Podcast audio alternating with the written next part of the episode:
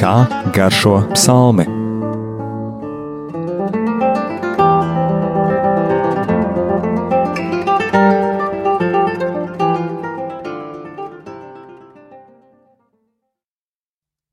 Slavēts Jēzus Kristus. Mūžīgi mūžos slavēts.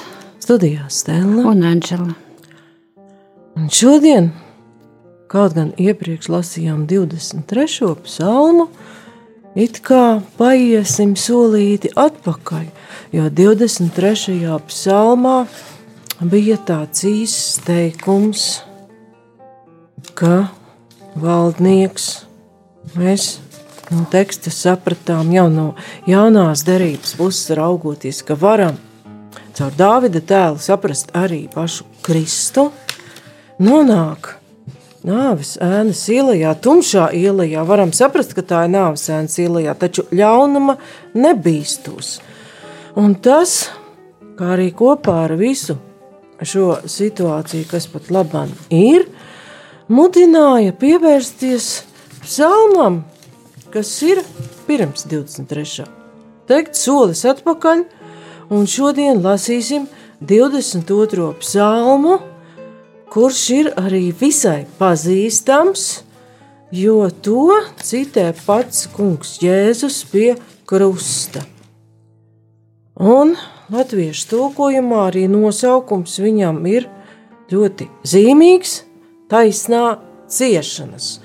Un lasot šo psalmu, mēs varēsim pat sataustīt un sagaršot, ka tajā ir ļoti daudz paralēļu ar taisnīgā kalpa ciešanām izsaja grāmatā.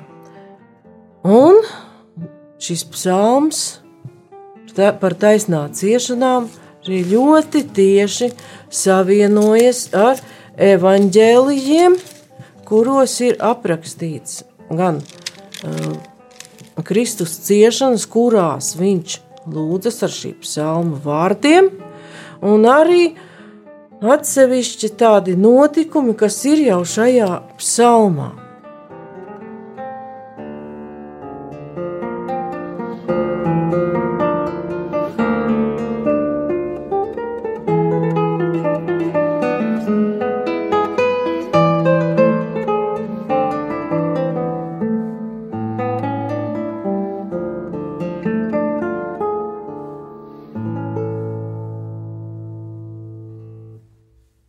Nosaukts latviešu valodas tulkojumā 1965. gada.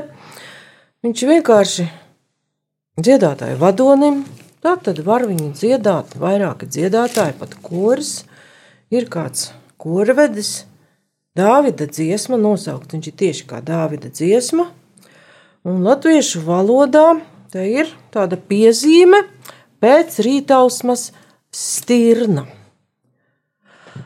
Krievu tulkojumā ir teikts priprajavļēņī zarī, tas ir rītausmas parādīšanās.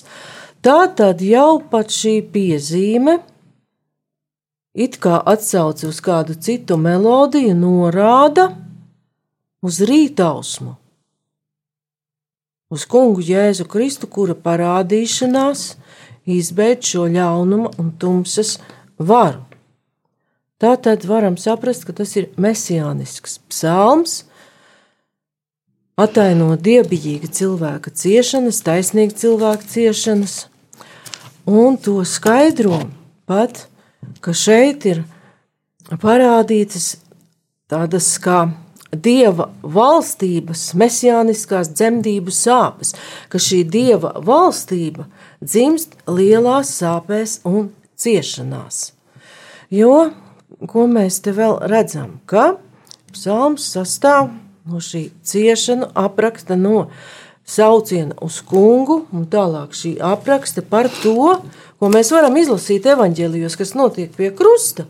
Un beigās jau ir slavēšana, ir slava kungam, un pat norādījums jau uz viņa valstības pilnīgu atnākšanu.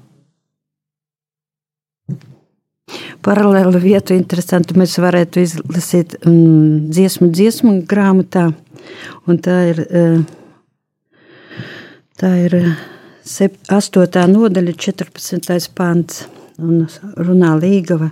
Steidzies, mīļais mans, līdzīgs gazelē vai bredulēn, briedulēnam, smaržēju kalnos. Paldies! Un šeit Anģela ar šo tekstu. Es to atradu, bet šoreiz paklusēju, vai viņa to sajutīs, ka te ir tā atbilde uz tulkojumu pēc rītausmas stirnas, ka šī dieva valstība arī skrien kā tāda gāzeli pie mums un līgava cilvēks, baznīca viņai iet pretī.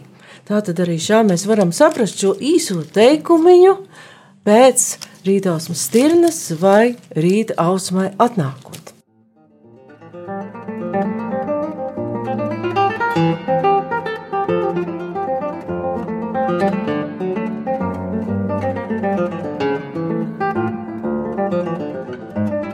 Psalms pēc tīsā ievada par stirnu vai rītausmu jau sākas ar šo izsaucienu. Mans dievs, mans dievs, kāpēc tu mani esi atstājis? Tu esi tik tālu no manis ar savu palīdzību un nedzirdi manu saucienu vārdus. Es saucu dienā, bet tu man neatbildi, un arī naktī, bet neatrodu mieru. Tad ir šis cietējs it kā pat pārmet dievam, ka tas viņu nedzird. Tas ir šī atstātības pieredze. Un pats Kristus izjūt šo dieva prombūtni. Un tieši tur, kad dievs it kā ir prom, dzimst dieva valstība. Un mēs par to varam lasīt Mateja evaņģēlijā, 27. nodaļā, kur kungs saka, 46. pāntā, bet ap 9. stundu Jēzus sauca stiprā balsī: Eli, Eli, Lamaza Bahthani! Tas ir mans dievs, mans dievs, kāpēc tu esi mani atstājis? Tā tad psalmi tik ļoti bija iesakņojušies Jēzus kā jūdu, jūdu tautas pārstāvja dzīvē, atcerēsimies, ka viņš arī apmeklēja sinagogu, tur lasīja svētos rakstus, arī tur mācīja, mācīja arī templī, ka tie psalmi bija tik ļoti cieši ar viņu sauguši, ka viņš vislielākās atstādības brīdī sauc uz kungu ar šī psalma vārdiem, psalma vārdiem, kuru mēs šodien lasām. To mēs varam izlasīt arī vēl vienā evanģēlijā, kas ir Marka evanģēlijs, divos evanģēlijos tas ir. Marka evanģēlijā mēs šo izsaucienu varam lasīt Marka 15 un 34. pants. Un ap 9 stundu Jēzus stiprā balsī brēca saukdams: Eloī, Eloī, lama zabathani. Tas ir tulkots: Mans dievs, mans dievs, kāpēc tu mani esi atstājis. Tā tad arī Marks šo tekstu rakstījis gandrīz tāpat, kāds tas ir Mateja evaņģēlijā. Lūkas evanģēlijā šī izteikuma nav, un arī Jāņa evanģēlijā nav, bet tur mēs atradīsim citas uh, lietas, kuras ir redzamas jau šajā psalmā, kuru šodien pētām. Un Uz šīm mokām un atstātību atsaucas arī vēstules ebrejiem autors 5. nodaļā. Vēstule ebrejiem 5. nodaļā mēs varam lasīt 6. un 7. pantā, un tur ir šis tieši pretnostatījums, ka 6. pants raksturo kungu, kā mūžīgo augsto prieteri pēc Melhizedeka kārtas – bet septītais pants viņu nu, it kā nomet uz zemes, ka viņš ir pieņēmis šo cilvēka eksistenci un tajā ciešo pilnīgo atstātību. Kā arī citā vietā viņš saka, tu esi priesteris mūžīgi pēc Melhizedeka kārtas.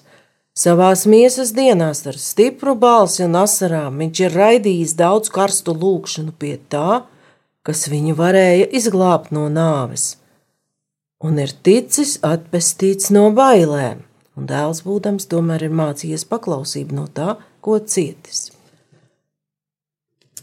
Un vēstule ebrejiem vēl šeit izvelk virspusē kādu ļoti būtisku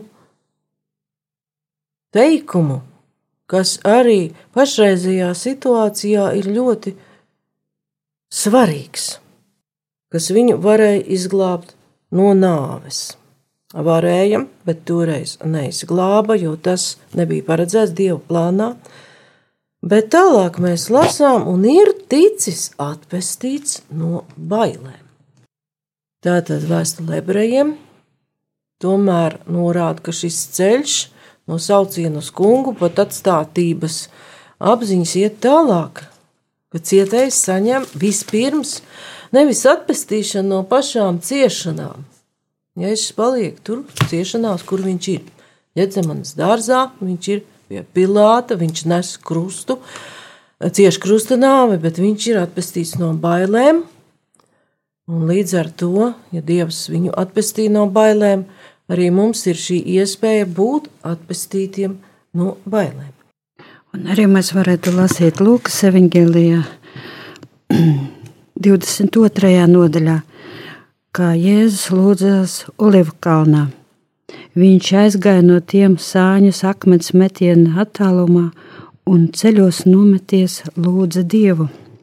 Tēvs, ja tu gribi ņemt šo bikiri prom no manis, tomēr lai notiek nevis mana, bet tava griba. Tad viņam parādījās eņģelis no debesīm un viņu stiprināja.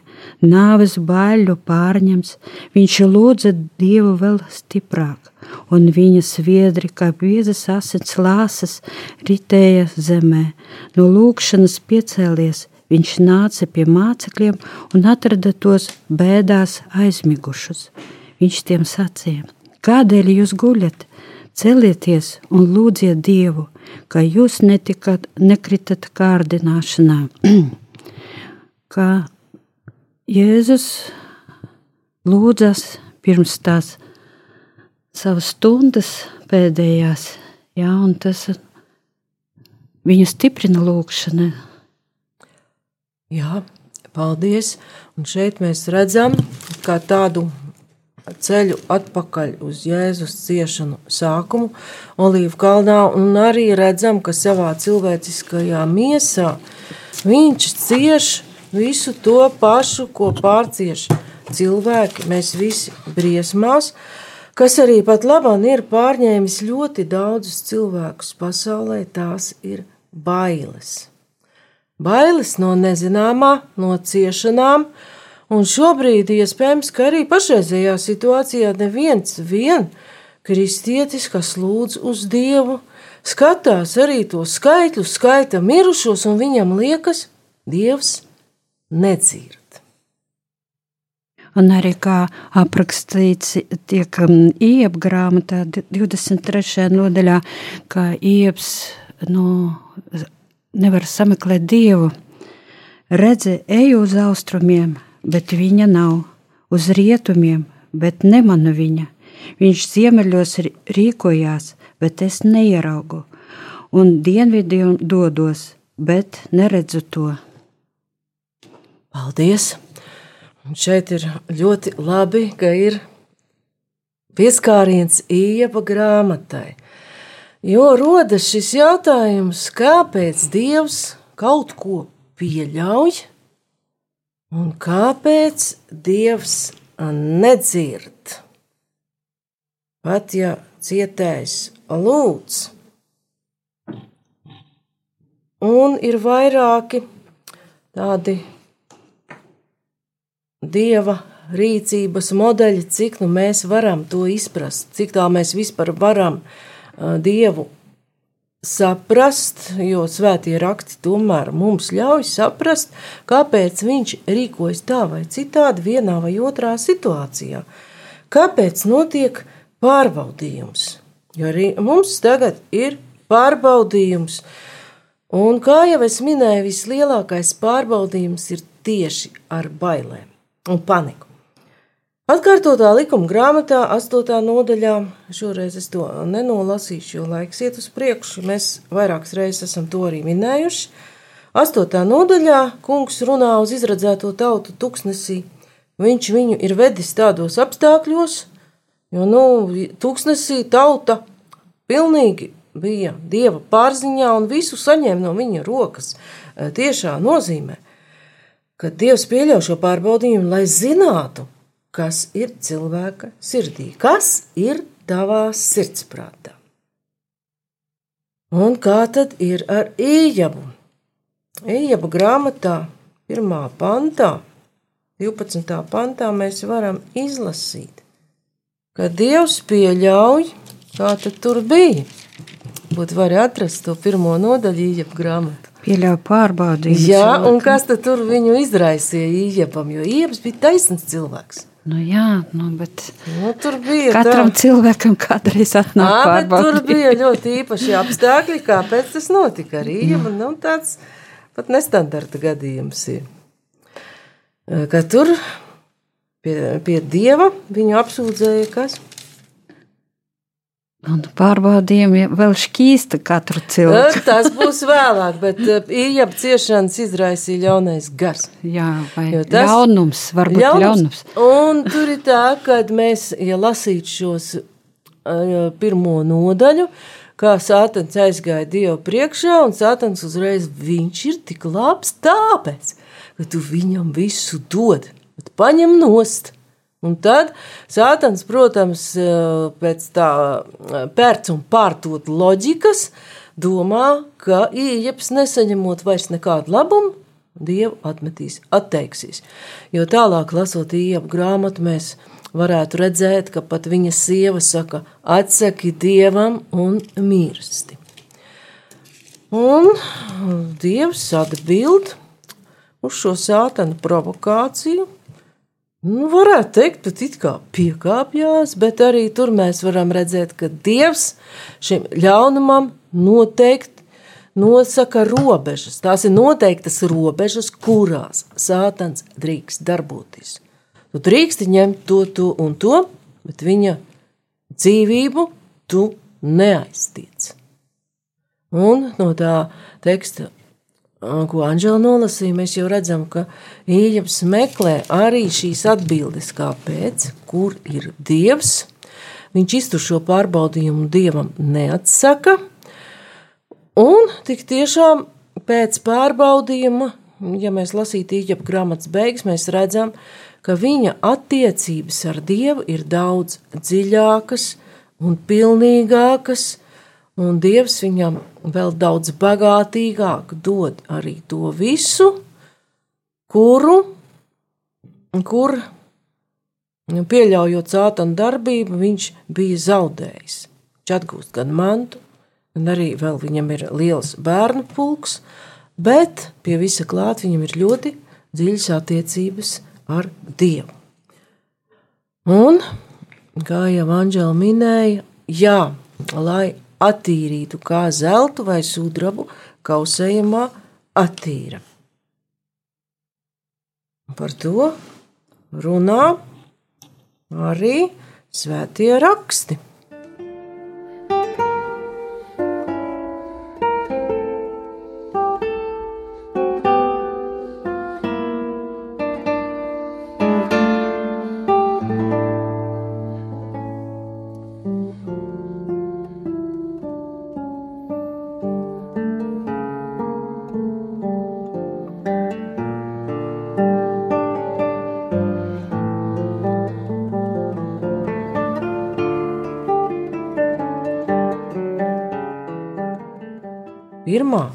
Pētera vēstulē. Un tur ir pateikti pat tādi divi iemesli ciešanām, kas atklāja arī ciešanu jēgu. Un pirmais no tiem tiešām ir šī attīrīšana, par ko mēs varam lasīt 1. Pētera vēstulē, vi- pirmā nodaļa, 6, 7. Tad jūs līksmosieties. Tagad, ja tas ir vajadzīgs, drusku noskumtināti dažādos pārbaudījumos, lai jūsu pārbaudītā ticība, kas ir daudz vērtīgāka nekā iznīcīgais zelts, kas ugunīs tiek pārbaudīts, izrādītos teicama, slavējama un godājama, kad Jēzus Kristus parādīsies. Redzam šeit šo attīrīšanu, jo gan daudzi cilvēki paši ir liecinājuši, un arī tautu vēsturē varam to redzēt, kad notiek šie pārbaudījumi. Cilvēki sāk meklēt, kur ir Dievs. Kāpēc viņš klusē? Viņi sāk Dievu lūgt. Bet var būt arī tāda situācija, ka pārbaudījums nāk, ir cilvēki to cieš, bet atklāsmes grāmatā ir sacīts, bet tie neatgriezās no saviem grēkiem. Tā tad arī šāda iespēja pastāv vismaz svētie raksti. Tādu pieļauj, un ir ļoti, no, nu, ļoti jācer, ka pašreizajā situācijā tā tomēr neat, ne, nu, nenotiks, un cilvēki sāks meklēt dieva palīdzību. Un pirmās Pētera vēstules autors atklāja vēl ne tieši iemeslu ciešanām, bet kā tām atrast jēgu. 1. pētera vēstule, 4. nodaļa, no 12. panta. Mīļie, nebrīnaities par bēdu karstumu jūsu vidū, kas nāk jums par pārbaudījumu, it kā jums notiktu kaut kas neparasts.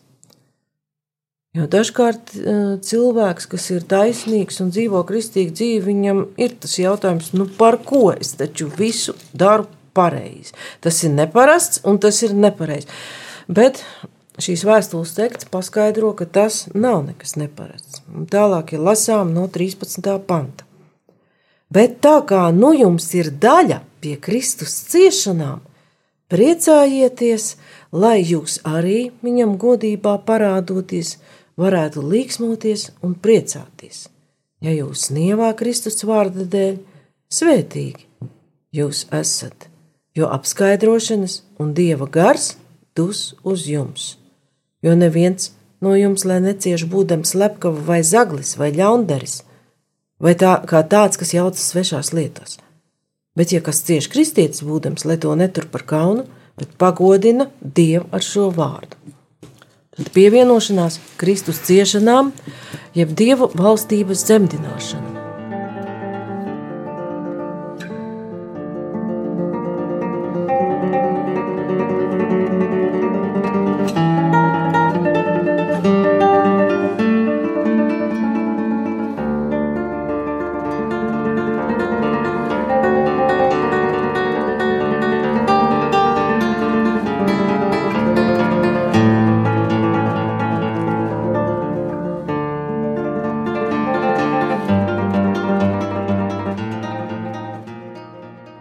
4. panta psalmā mēs redzam, ka tā autors atceras dieva darbus un cerību uz viņu pagātnē, ka viņa senči ir paļaujušies uz kungu un paļaujas uz šo viņa godību un svētumu, kas ir pārāk par visu citu. Un 5. pantā mēs lasām, uz tevi cerēja mūsu tēvi, Viņi cerēja, un tu viņus izglābi, tevi viņi piesauca un tapa atpestīti. Uz tevi viņi cerēja un nepalika kaunā. Un tā tad šeit ir vārdi par cerību uz kungu, ja pat viņš klusē, it kā neatbild. Bet tālāk no 7. panta psalmā mēs jau lasām tekstu, kurš ietver kunga ciešanu aprakstu un ir ļoti tuvs cietēja kalpa ciešanu aprakstam Isaja grāmatā, un psalmists saka, nepalika kaunā. Bet Isais 50. nodaļā, 7. pantā arī runā par to, ka neskatoties uz tādu situācija, kas cilvēku acīm šķiet nepieņemama, kaut kāda absurda, nesaprotama. Visai grāmatas 50. pantā, 7. 50. nodaļā, 7. pantā mēs varam lasīt. Vispirms jau nu, varam pat sākt no 6. Savu muguru es pagriezu tiem, kas man sita, un savu vaigu tiem, kas raustīja un plēs manu bārdu. Savu vaigu es neapslēpu paļām un spļāvieniem, bet Dievs tas kungs man palīdz. Tādēļ es nenokļuvu kaunā. Tādēļ es apcietināju sev seju kā akmeni, jo es zināju, ka nepalikšu kaunā. Tiešām tuvu man ir viņš, kas mani attaisno. Tad izsais runā par kunga tuvumu ciešanās. Arī varam izlasīt Pāvila vēstuli romiešiem 4. nodaļā par Abrahama ticību.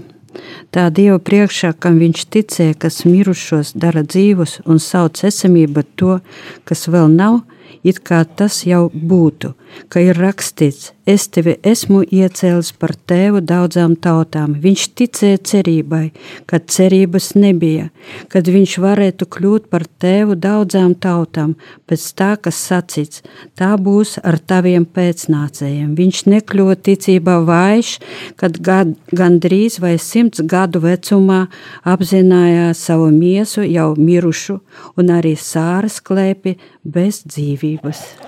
Paldies!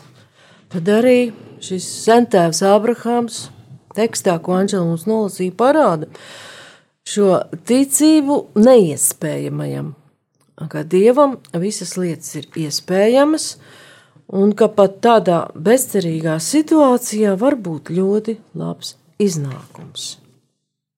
Arī varam mazliet paturpināt Viņš nešaubījās neticībā par dieva apsolījumu, bet stiprinājās ticībā, dodams dievam godu. Paldies! Un varam padomāt, kad par Abrahāmu jau bija gan viņa lielā dzimta, gan ka viņš aizgāja no ūras, bagātas pilsētas.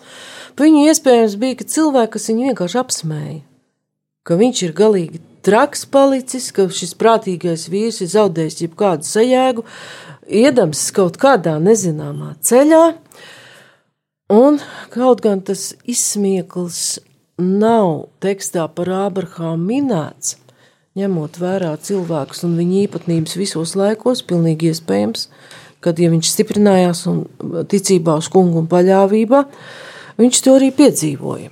Bet psalmā mēs jau tieši varam lasīt, un tas jau saistās ar evaņģēlīju tekstiem.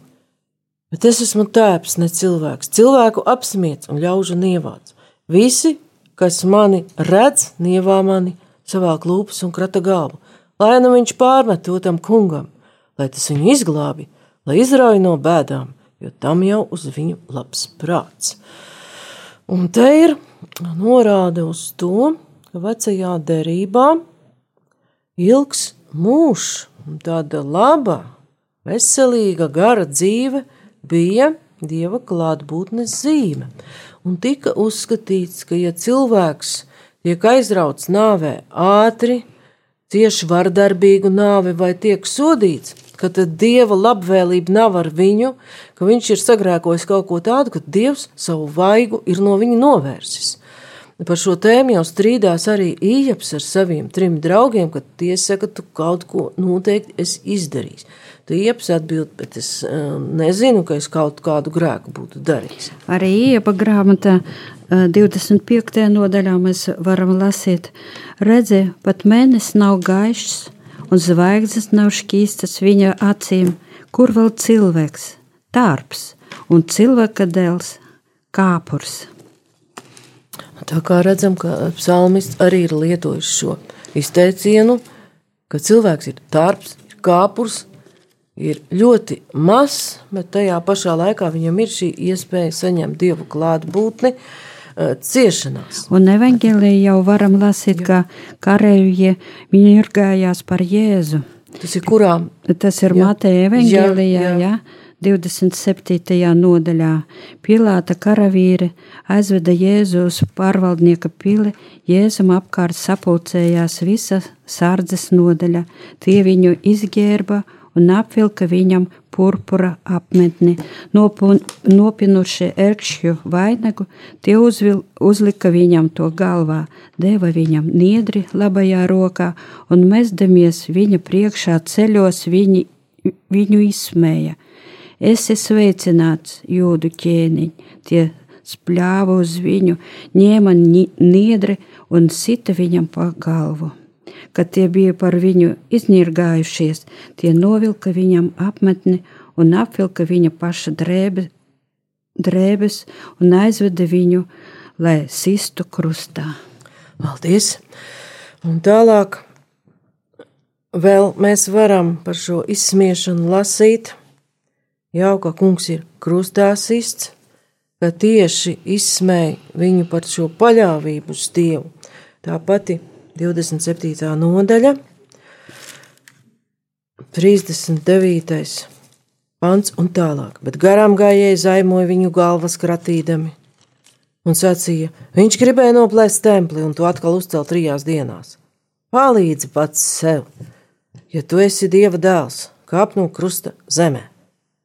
Tāpat augstie priesteri līdz ar raksturmācītājiem vecajiem apsmēja viņu sacīdami: Citiem viņš palīdzējis, bet pats sev nevar palīdzēt.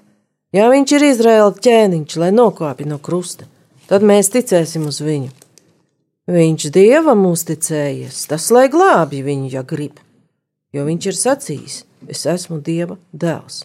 Tāpat arī slepkavas, kas līdz ar viņu bija krustā sists, sisti, zaimoja viņu tad mēs redzam šeit, ka pat vairākas šīs iedzīvotāju grupas, gandrīz visi pārstāvēti tur ir. Dažādi garām gājēji, pat karīgā kārta rakstu mācītāji, pat tie, kas ir tāpat kā Jēzus pie krusta, visi izsmēšo viņa paļāvību uz Dievu. Tāpat mēs psalmā varam redzēt arī epizodi par šo drēbju sadalīšanu, kas ir aprakstīta evaņģēlijos, un ka rokas un kājas ir caururptas. Viss šīs ciešanas ir izteikts pat psalma vidū, ka viss ir nikni vērši man apstājuši, basans milz dauri ielenkuši, tad atpleš savu rīkli pret mani kā plēsīgs un rēcošs lauva, es esmu kā izliets ūdens, visi man kauli salauzti. Ap mani sastājušies suņi, ļaundara bars, mani ielēns, manas rokas un kājas ir caurdurktas. Tātad mēs redzam, klātesoši ir ļaunums, plēsīgi, nikni zvēri, un pat e, šo tekstu par roku un kāju caurupšanu vēl tulko dažādi. Viens no tulkojumiem ir, ka tas ir kā lauvas rīklē saplūsītas. Tā ir tieša jau ļaunuma klātbūtne un it kā ļaunuma uzvara. Bet tālāk jau ir 20. pantā šis sauciens uz kungu, lai viņš nāk palīgā, un no 23. panta jau ir šī slavas dziesma. Draudzes vidū es tevi slavēšu. Slavējiet kungu visi, kas viņu bīstas. Un vispirms mēs varam to saprast, ka tas ir ķēniņš Dāvids izglābts no ienaidniekiem slavē templī kungu, un pilnībā mēs to varam saprast jau kā dieva valstības atnākšanu, kas piepildās pēc kunga otrās atnākšanas, un par to, kā tas notiek un kā tur izskatās, mēs varam lasīt Jāņa atklāsmes grāmatas. Beigās kad to kungu pieminēs visas zemes, no, un pie viņa atgriezīsies visas zemes malas, tauta tautas, lai zemojas viņa priekšā un lai viņu pielūdz, jo tam kungam pieder valstība, viņš ir valdnieks pār tautām. Arī tie, lai zemojas viņa priekšā, kas dus zemes klēpī, viņu lai pielūdz visi, kas kļuvuši par pīšļiem. Tātad tur jau mēs redzam norādījumu uz augšām celšanos un visām tautām kunga tuvumā. Paldies par uzmanību! Studijā bija Stela un Anģela.